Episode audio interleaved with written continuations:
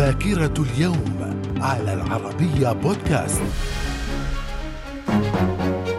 أهلا بكم إلى ذاكرة اليوم العاشر من ديسمبر. ففي العام 1520 مارتن لوثر يقوم بإحراق مرسوم كنسي بطرده من الرحمة عقابا له على معارضته لسلطة الكنيسة. واعتبرت هذه الخطوة خطيرة ساهمت بابتعاده عن الكنيسة الكاثوليكية. في العام 1901 بدء تسليم جوائز نوبل للمرة الأولى. وفي العام 1948 الجمعية العامة للأمم المتحدة تصدر الميثاق العالمي لحقوق الإنسان. في العام 1949 جيش التحرير الشعبي الصيني يبدأ بمحاصرة مدينة تشينغدو في بر الصين الرئيسي، ما اضطر الرئيس شيان كايتشيك وحكومته إلى الانسحاب إلى جزيرة تايوان. من الذاكرة ومن ذاكرة اليوم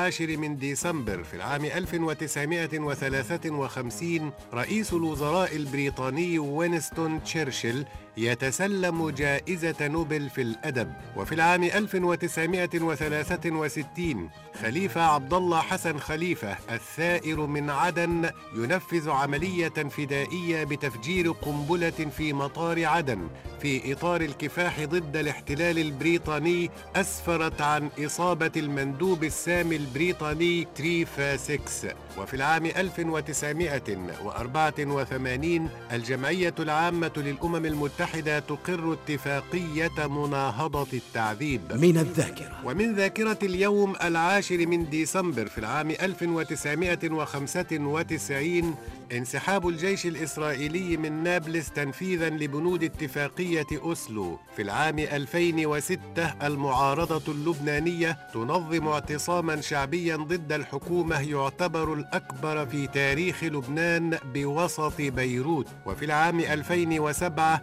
الإعلان عن تشكيل هيئة البيعة السعودية والتي أسسها الملك عبد الله بن عبد العزيز في العشرين من أكتوبر 2006 واختير الأمير مشعل بن عبد العزيز آل سعود رئيسا لها. من الذاكرة. ومن ذاكرة اليوم العاشر من ديسمبر في العام 2009 الحكومة اللبنانية برئاسة سعد الحريري تحصل على ثقة مجلس النواب بأغلبية 122 صوتا من أصل الحضور. وفي العام 2014 مقتل الوزير الفلسطيني زياد أبو عين إثر قمع القوات الإسرائيلية لمظاهرة برام الله. وفي العام 2016 مقتل 38 شخصا وإصابة 166 آخرين جراء تفجيرين انتحاريين في بشكطاش وسط مدينة اسطنبول التركية. من الذاكرة. ومن مواليد العاشر من ديسمبر في العام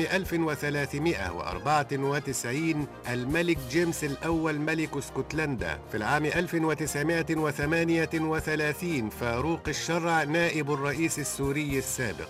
من الذاكرة. ومن وفيات العاشر من ديسمبر في العام 861 أبو الفضل جعفر المتوكل على الله الخليفة العباسي. وفي العام 1037 توفي ابن سينا الطبيب والفيلسوف المسلم. في العام 1198 توفي ابن رشد الفيلسوف الأندلسي. في العام 1896 توفي ألفريد نوبل المهندس وعالم الكيمياء السويدي وصاحب جائزة نوبل. من الذاكرة. وفي مثل هذا اليوم العاشر من ديسمبر من كل عام يحتفل باليوم العالمي لحقوق الإنسان. من الذاكرة. إلى اللقاء.